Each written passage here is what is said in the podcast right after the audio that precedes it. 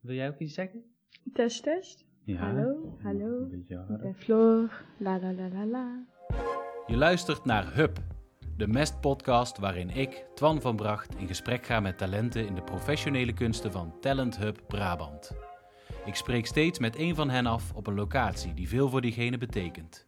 Ik vraag of ze hun mentor mee willen nemen en iets voor willen bereiden. Om dan, hup, tot de kern van de zaak door te dringen. Ja, hallo en hartelijk welkom bij eh, alweer de zevende aflevering van Hub. Ik zit hier vandaag in Breda, in een, eh, ik begreep net, oud schoolgebouwtje. Klopt dit? Van oor, ja, nou eigenlijk veel meer dingen. Maar eh, het is ook even een oud schoolgebouw geweest, al zou je het niet zeggen als je hier zit. Mhm. Want het is eh, nog een jaren 50 eh, woonhuis met bedrijfsruimte. Ja, Maar inmiddels is het veranderd in een artist in residence. ja het, is, het is vlak achter het station van Breda. Ehm, zojuist hoorden we al heel even Esther van Rosmalen. En tegenover mij zit ook Floor Snels. Hallo Floor. Hoi, hallo. Ehm, ja, over, om jou gaat het eigenlijk nu. Ehm, dat geeft even pressure. ja, dat geeft Ja. even. Ik, ik voer de druk wat op. Ja. Ehm, ja, jij bent eh, onderdeel van Inversie, de talent hub voor beeldende kunst. Zeg ik dat goed? Want ik was zelf even in de war, want er is nog een talent hub voor beeldende kunst. Misschien kunnen we dat raadsel meteen eventjes eh, eh, killen. Ja, het is een, wel een, een talent hub voor kunst, maar niet specifiek beeldende kunst. Maar ik denk dat Esther wat beter kan uitleggen waar, eh, waarom jullie begonnen zijn met deze talent hub. Nou ja, de naam zegt het al een beetje. Inversie, omkeren van de gewone orde. En eh, voor ons, en ons is eh, niet alleen Witte Rook, maar ook Kunstpodium T en Tak, want we doen dit met z'n drieën. En eh, wij merkten dat er heel veel vragen zijn bij jonge kunstenaars om eigenlijk hun praktijk in te richten en op te bouwen, zonder dat ze de geëikte wegen hoeven te bewandelen. Dus we willen gewoon nieuwe dingen ontdekken en nieuwe manieren om bijvoorbeeld opdrachten te krijgen of hun werk onder de aandacht te brengen of werk te verkopen. Ja, En vandaar dat wij dat een hele mooie reden vonden om een talent hub te beginnen waar daar juist aandacht voor is. ja, En daarom heet hij ook Inversie. ik snap het. Ja, Soms wat moeilijker verkoopbaar. Maar dat is juist de uitdaging. Om te zien Ja. hoe je daar toch wel op een of andere manier je beroep van kan maken. Je geld mee kan verdienen. ja, want jij bent moeilijk verkoopbaar. Ik denk het, ja. ja, Ik merk dat ik niet één medium heb en niet één duidelijk verkoopbaar of duidelijk communiceerbare beeldtaal. Mhm. Het is juist dat ik continu switch eigenlijk en kijk wat er het beste, welke vorm het beste schikt bij wat ik belangrijk vind op dat moment. Wat- Wil je daar eens iets over vertellen? Je hebt kunst gestudeerd. Ja, ik heb eh, kunst gestudeerd op Sint-Joost hier in Breda. En de eerste, ik ging eigenlijk naar de academie met het idee van, nou, dan ga ik lekker schilderen en tekenen. En daar heb ik super veel zin in en dat ga ik allemaal doen. En toen kwam ik op de academie en merkte ik van, oké, ik haal niet echt de voldoening uit puur dat beeld maken. En eh, ik heb ook heel erg een soort sociale betrokkenheid, vind ik heel belangrijk, gewoon voor mezelf. Eh, en er gebeurt van alles in de wereld wat ik heel belangrijk vond. En kon dat allemaal niet echt aan me voorbij laten gaan. En zodoende ben ik de, de kunstacademie doorgaan om dat een beetje te onderzoeken van hoe kan ik in de kunst werken. Omdat ik daar toch een hele erge vrijheid voel die je niet zomaar bij andere vakgebieden hebt. En eh, dat je soort van los kan staan van de maatschappij. En eh daarop kan reflecteren in plaats van dat je mee moet draaien in het rad. Zo voelt het voor mij heel erg. Mhm. Ehm, maar ook wel eh, iets kan zeggen over dat ronddraaiende rad dat de hele tijd doorgaat, zeg maar. Dus daar ben ik een beetje mee aan het zoeken geweest. Ja, tijdens de opleiding. Tijdens de opleiding en Ja. nog steeds. Ja. Want hoe lang geleden, eh, wanneer ben je afgestudeerd? In 2019 ben ik afgestudeerd. Oh, dus, Dus twee net. jaartjes. Ja. Ja. dus ik ben nog gewoon... eh, Dus dan ben je mag nog mee bezig. Ja. Dat mag hopelijk blijven. ja, inderdaad. Maar nu heb ik nog het excuus van jonge kunstenaar. Ja, ja, dat is fijn. Was er een eerste project of voorbeeld waarin je ontdekte, hé, hey, ik wil eigenlijk dat het, ja, tot het een soort sociale betekenis of, eh, heb jij jezelf trouwens een term voor, hoe je dat dan noemt? Eh, eh, iets. Ja, ge- gesitueerd was op een gegeven moment de term waarmee ik Ja. in aanraking kwam. En toen ik dat, dat was tijdens de minor Arts and Interaction op de academie. ja. En het moest interactief zijn. En daar had ik een docent, Jacqueline van Overberg. En zij was heel erg, ja, ook gericht op, op locatie en die locatie erbij betrekken. Dat, daar heeft ze toen heel veel over verteld. En toen had ze een gastdocent uitgenodigd, Wapke Veenstra.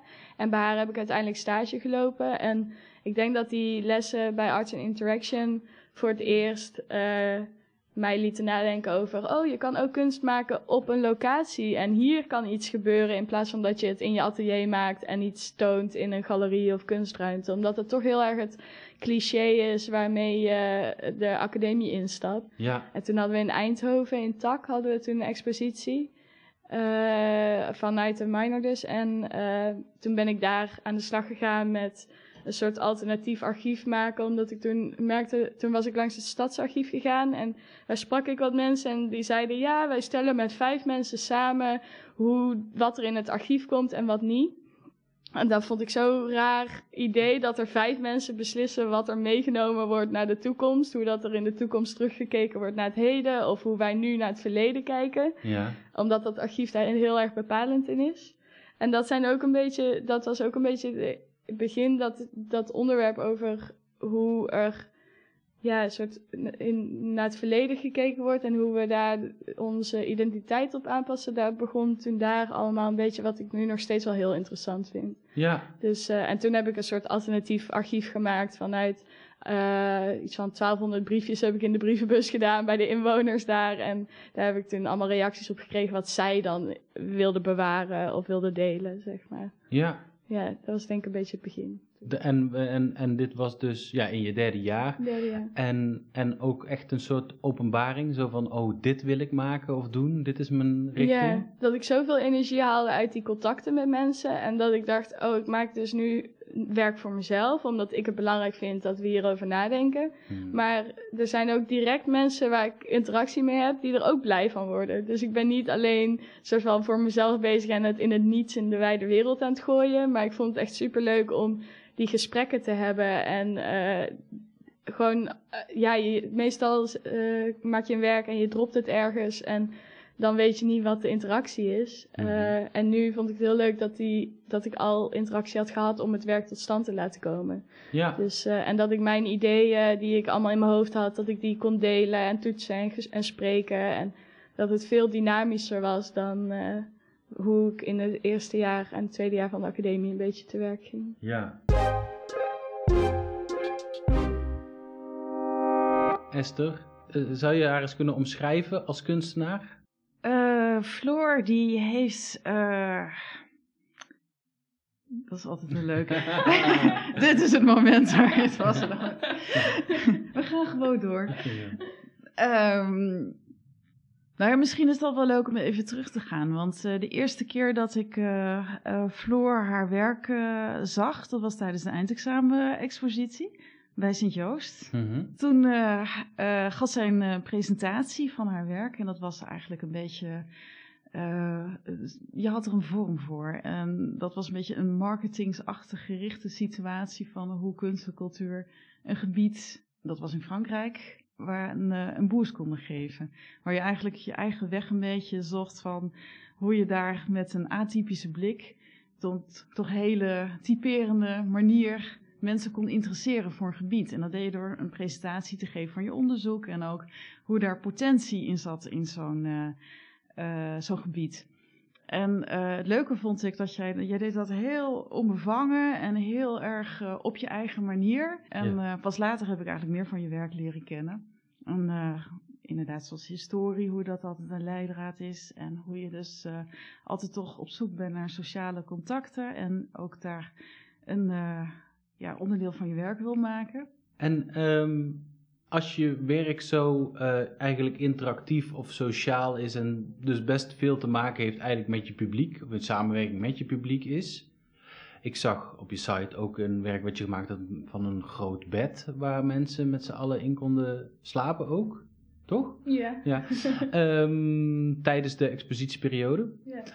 Ehm, ik, ik zat me gewoon af te vragen, als je dat maakt, dan weet je dus eigenlijk pas wat je gemaakt hebt op het moment dat het in aanraking is met het publiek. En ook weer wat het doet. En toen zat ik te denken van, hoe weet je, wanneer weet je of het eigenlijk geslaagd is? Ik had toevallig, gisteren had ik een gesprek eh, met ehm, Henry Swinkels uh, van Kunstlok. En we waren in gesprek over die expositie uh, in Heusden. Mhm. En toen zei hij ook iets van, oh, dus eigenlijk is elke interactie, wil je dat er een balletje gaat rollen. En het gaat een beetje in een golfje of zo. Het bouwt op met waar ik ben en het bouwt af met waar ik ga.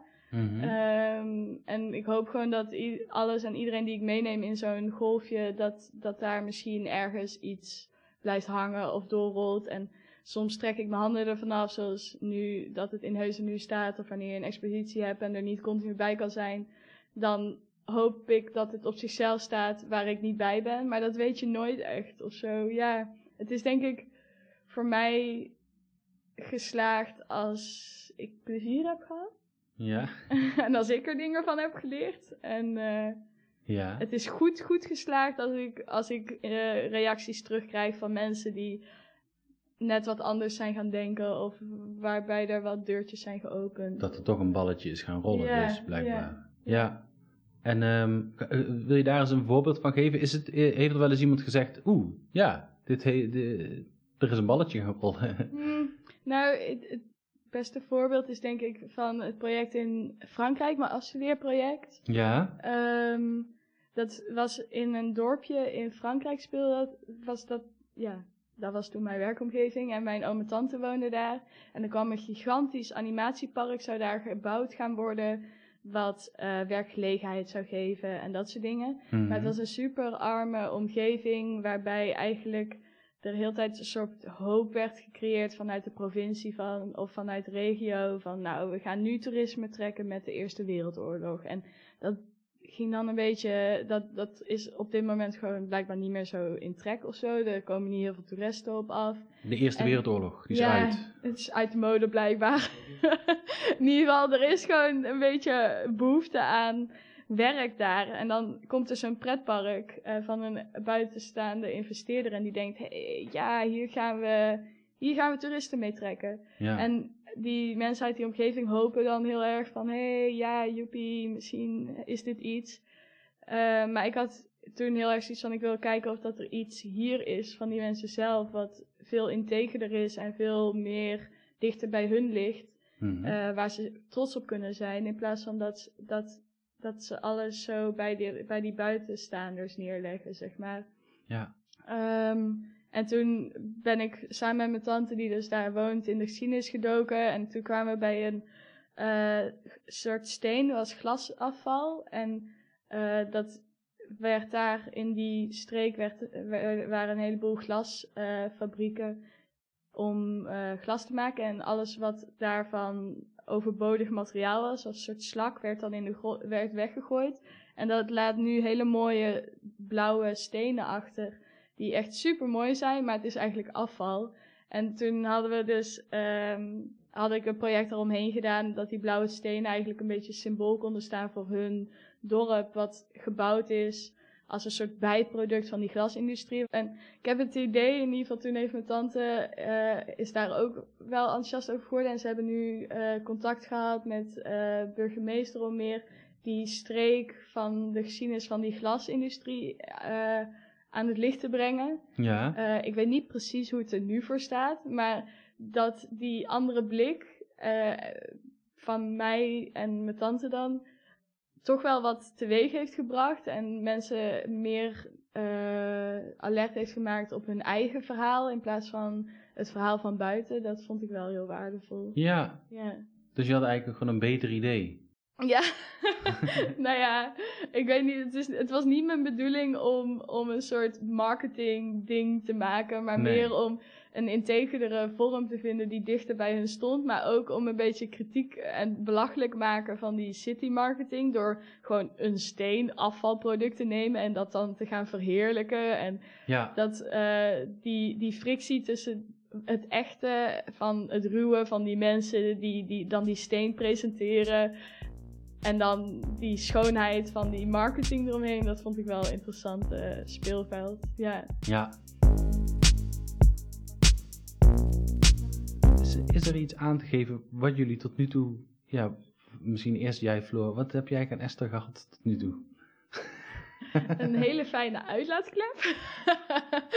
maar meer dan alleen uitlaatklep. Ja. Want het, ik merkte sowieso over de uitlaatklep, soms zit je gewoon in je bubbeltje met denken. En dan is het heel fijn om, over, eh, om de zoveel tijd weer even alles eruit te gooien bij iemand die daar gewoon voor is op dat moment. Of ja. zo. Dat Esther, die is er gewoon om naar mij te luisteren en mij te helpen. En te kijken waar dat er hulp mogelijk is. Of om dingen wat meer behapbaar te maken. En dat is wel echt heel fijn. Uh, dat ik niet altijd mijn ouders daarmee lastig hoef te vallen of zo. Of, ja. dus dat. Maar ik denk dat ik een van de leukste dingen vind dat uh, uh, bij Floor wat achter is gekomen. Of in ieder geval wat we zeker bereikt hebben. En behalve natuurlijk dingen zoals structuur. Dat is echt allemaal super belangrijk. Maar dat is gewoon nog een, een kwestie van systeem. Maar dat je toen we begonnen om te spreken over je ontwikkelplan, toen noemde je ook dat je op de academie bepaalde dingen een beetje kwijt was geraakt. Dat je dan mm. een beetje plezier was van tekenen bijvoorbeeld, dat je dat niet meer had. Dan, mm. Ja, dan, daar was niet zo echt veel ruimte voor. En uh, om wat voor reden dan ook. Maar en zo waren er meer van dat soort kleine dingetjes. En dat je toch de laatste tijd merkt van... Oh, het is gewoon weer fijn om dat soort dingen te doen. En dat ze ook gewoon een plek in je werk konden krijgen. Waarvan je eerst dacht van... Ja, dat, dat hoort niet. Dat is, het is heel serieus en dat mag allemaal niet. En mhm. allemaal wat voor ideeën dan ook die je had... waardoor dat niet zou kunnen. En dat je nu merkt van... Ja, maar ik ben nu gewoon zelf de baas. En er is geen leraar meer die er wat van hoeft te vinden. De enige die er wat van hoeft te vinden, dat ben je zelf. Ja, inderdaad. Terug naar hoe jij werkt, Floor. Ehm, eigenlijk gewoon heel simpel. Hoe krijg jij je ideeën? Oeh. Want jij reageert dus wel best vaak op een soort probleem of een situatie of iets wat, wat al aan de hand is.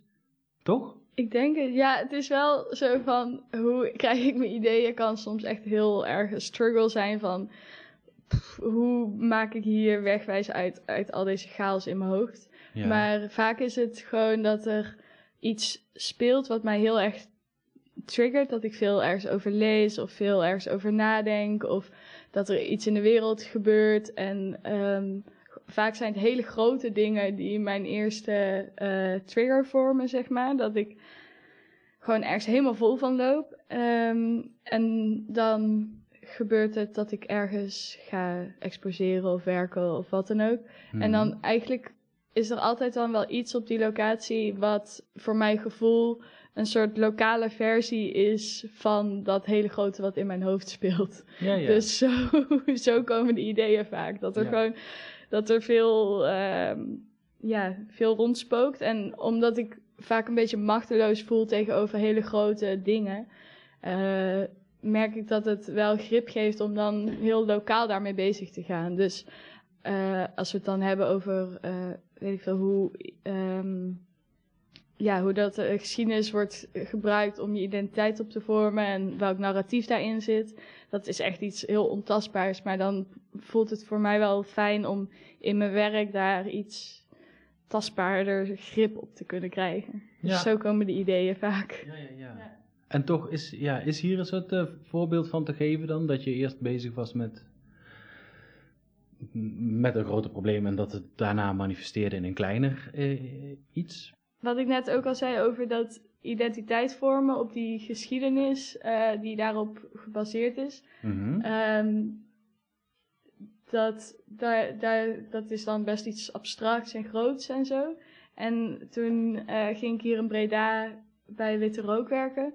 En Breda wordt altijd Bourgondisch Breda genoemd. Wat een beetje zo luchtig, uh, oh lekker Bourgondisch. Maar als je dan kijkt naar de geschiedenis van de Bourgondië, dan is dat echt heel anders en groot. En er zitten wel raakvlakken in, zeg maar. Maar um, ik vind het interessant hoe dat die, uh, hoe dat die geschiedenis van Bourgondische geschiedenis, dat die soort van heel erg klein gemaakt wordt naar lekker eten en drinken. En oh, dit is onze identiteit. Ja. Dus eh, die maakbaarheid van die geschiedenis vind ik daar heel zichtbaar in. Van welk verhaal vertellen we, hoe vertellen we het door en welk stukje halen we daaruit. Ja. Ehm, en wie hoort daarbij? Dat is ook heel belangrijk. Van als het over lekker eten gaat en sociaal gedrag, dan, kan, dan hoeven niet alleen Brabant, Brabanders daarbij te horen. Dat kan iedereen zijn, zeg maar. Er zijn heel veel andere culturen die ook die waarde hebben van wat Burgondisch is. Dus ja. daarin zit nu een, eh, een, iets waar mijn interesse nu ligt en waar ik nu mee bezig ben. ja, Dus, want het is inderdaad zo'n soort stempel en je, en je roept dan, het is Boeg- ja, als, als, ik, kom ook, ik kom uit Eindhoven, je roept dan inderdaad, ik ben Bourgondisch, maar eigenlijk heb je geen idee waar het nog vandaan Ja. komt. Het is gewoon iets wat je ook in je jeugd gehoord hebt, ja, inderdaad. Ja. eh, wat je dan blijkbaar bent. Eh, ja, en inderdaad, mensen in Amsterdam houden ook heel erg van lekker eten. Ja, ja, ja. Dat is, en eh, we zitten hier dan, waar het Esther net al zei, met de Lini-kwartier. Eh, Mhm. Studio Lini was dus vorig jaar augustus waren we daar in deze, in de, in deze wijk bezig. En toen ehm, had ik net die residentie hier gehad waarmee ik met dat Bourgondische bezig was. En tijdens die residentie had ik allerlei eh, stukken gelezen over eh, de geschiedenis van Bourgondië en die eh, van chroniekschrijvers en dingen. En ik had gesprekken gevoerd met mensen in Breda over wat zij zagen als Bourgondisch. En Ja. die twee dingen hadden gecombineerd in, in beeldtaal die veel meer gebaseerd was op die geschiedenis. En dan die hedendaagse ideeën daarover, die had ik met elkaar gemengd. Ja, Ehm, en toen bij Lini-kwartier dacht ik, oh ja, dat, hoe kan ik dat hier in deze wijk doen? En eh, de vraag was ook heel erg om contact te maken met de wijk. En ehm, nu ben ik daarvoor ehm, allerlei soort recepten aan het verzamelen. Van, ik heb de mensen in de wijk dozen gebracht. mhm. En eh, ook met, dat was toen ook net tijdens de eerste lockdown, dat mensen eigenlijk niet echt interactie hadden met elkaar en dat je thuis moet zitten en zo. Dus toen heb ik eh, gevraagd dat ze een Bourgondische maaltijd voor hun gezin of familie willen organiseren. En alles wat ze daarbij zagen op het tafelkleed te tekenen. En ik had kaartjes gegeven waarbij eh, ze hun ideeën daarover om een beetje gedachten op gang te krijgen. En die Mhm. tafelkleden die ga ik graveren in een, in een tafel, ehm, tafelblad.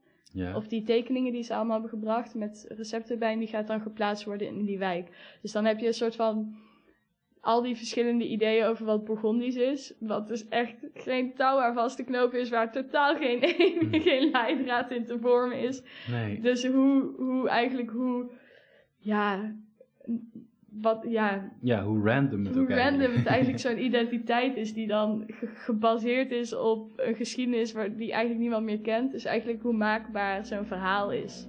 Ja. Dus eh, dat vond ik er wel mooi in hoe dat daarin naar voren komt. Ehm, jij hebt ook iets meegebracht. Ja. Ehm, wat zijn dat voor kaartjes? Nou, wat ik net dus zei, die dozen die ik eh, bij mensen heb langsgebracht, daar zaten een soort hulpkaartjes in om hun aan het denken te zetten. Dus bijvoorbeeld eh, ronde 1, vanaf nu gaat het over Bourgondisch dineren. Aan welke geuren en smaken denk je als eerste? Dan reageert iemand vet, dampend, kruidig, alle smaken, hartig, zoet, zout. Mhm. En bij kleuren denken mensen aan bruin, rood, groen, geel. Ja, zo, zo, het zijn een beetje een soort van om mensen aan het denken te zetten. En een boodschappenlijstje, wat ga je maken? Vegetarische shawarma, wortel, wraps, broccoli, ui, paprika, knoflook, courgette. Dus dat is voor iemand een Burgondische maaltijd. Ja. Ja. Dus dit is een soort vooronderzoek, aanleiding, stappenplan om tot uiteindelijk dat werk te komen dat daar geplaatst gaat worden. Ja. En je maakt dus eigenlijk echt een kunstwerk ja, met mensen samen. In- Ja, dat is dit wel veel meer dan dat ik eigenlijk gewend ben. Het is wel grappig, want vaak eh, is het gewoon, ik heb een idee, ik heb daar mensen voor nodig om, om een soort interactie te toetsen, om te kijken wat zij zeggen, om, eh, om hun in te zetten, om tot dingen te komen. En dit voelt wel heel erg als, alsof ik nog wat meer touwtjes loslaat die ik normaal nog wel in handen heb. Dus ik geef best wel veel ehm, de, regie uit handen voor mijn gevoel. Dus Ja. ja, ja het is heel, heel interactief. interactief ja. Eh, spannend ook om zoveel uit handen te geven, omdat je inderdaad echt, je hebt geen idee wat je terugkrijgt eigenlijk. ja, ik vind het wel spannend, omdat ik meestal, eh, ik moet wel heel erg op blijven letten dat het wel alsnog een autonoom kunstwerk blijft en dat het ergens over gaat. Dat het niet gewoon een Ja. houtsnede van diner is, zeg maar. Het, ik vind het wel belangrijk dat, vind ik persoonlijk, dat, dat mijn idee nog mee overgedragen wordt en dat er iets kritisch in zit. Dat vind ik persoonlijk gewoon belangrijk, omdat dat de aanleiding was en het niet alleen maar een leuk tafeltje wordt uiteindelijk. Ja, ja, ja. Je zei net dat je de regie uit handen geeft, maar volgens mij ben je juist veel meer regisseur dan in andere werken. Dat je juist enorm veel regieaanwijzingen geeft, alleen de uitvoering, die geef je voor een deel uit handen. Bedoel je met het laten maken van de tafel? Ja, maar ook dat de tekeningen, de input die er Ja. allemaal komt, die geef je eigenlijk best wel uit handen. Maar je eh, voert Ja, juist nee, enorm ja. veel regie erop. Ja, dat is waar. Ik weet niet, het is gewoon spannend. Het is gewoon nog niet rond. Het is gewoon nog bezig. En we, zien ook- wel waar het heen gaat. Het duurt waarschijnlijk nog eventjes voordat het uiteindelijk gerealiseerd kan worden. Ehm, dus daarmee is er genoeg tijd om te passen, mee te proberen uitvogelen. En misschien is het wel leuk om aan te vullen dat er nog een heel traject achter zit, samen met de woningcorporatie, met de gemeente die de wijk opnieuw gaat inrichten, met een eh, eh, bedrijf Urban Synergy die dan al dat soort processen in gang zet. Dus Mhm. het is, eh, en de bewonersvereniging dan, en de winkeliersvereniging. Dus het is, ja. er zijn heel veel mensen en spelers bij betrokken. Dus het, het, het wordt niet zomaar eventjes eh, een dingetje maken en eh, in de buurt zetten. Ja, inderdaad. Dus dat is ook, misschien verklaart dat ook waardoor ik het gevoel heb van, oh ja, het, het is iets wat in een veel groter geheel past. Het is niet ik die een werkje en dat is het. Dit was Hub, een podcast van Mest, het inspiratieplatform voor cultuur in Brabant van Kunstlok Brabant. In deze eerste serie van Talent Hub Brabant ga ik, Twan van Bracht, in gesprek met een talent en een mentor uit een van de zes hubs. Hou ook het online platform van Mest in de gaten voor alle ins en outs van kunst en cultuur in Brabant. Tot de volgende hub.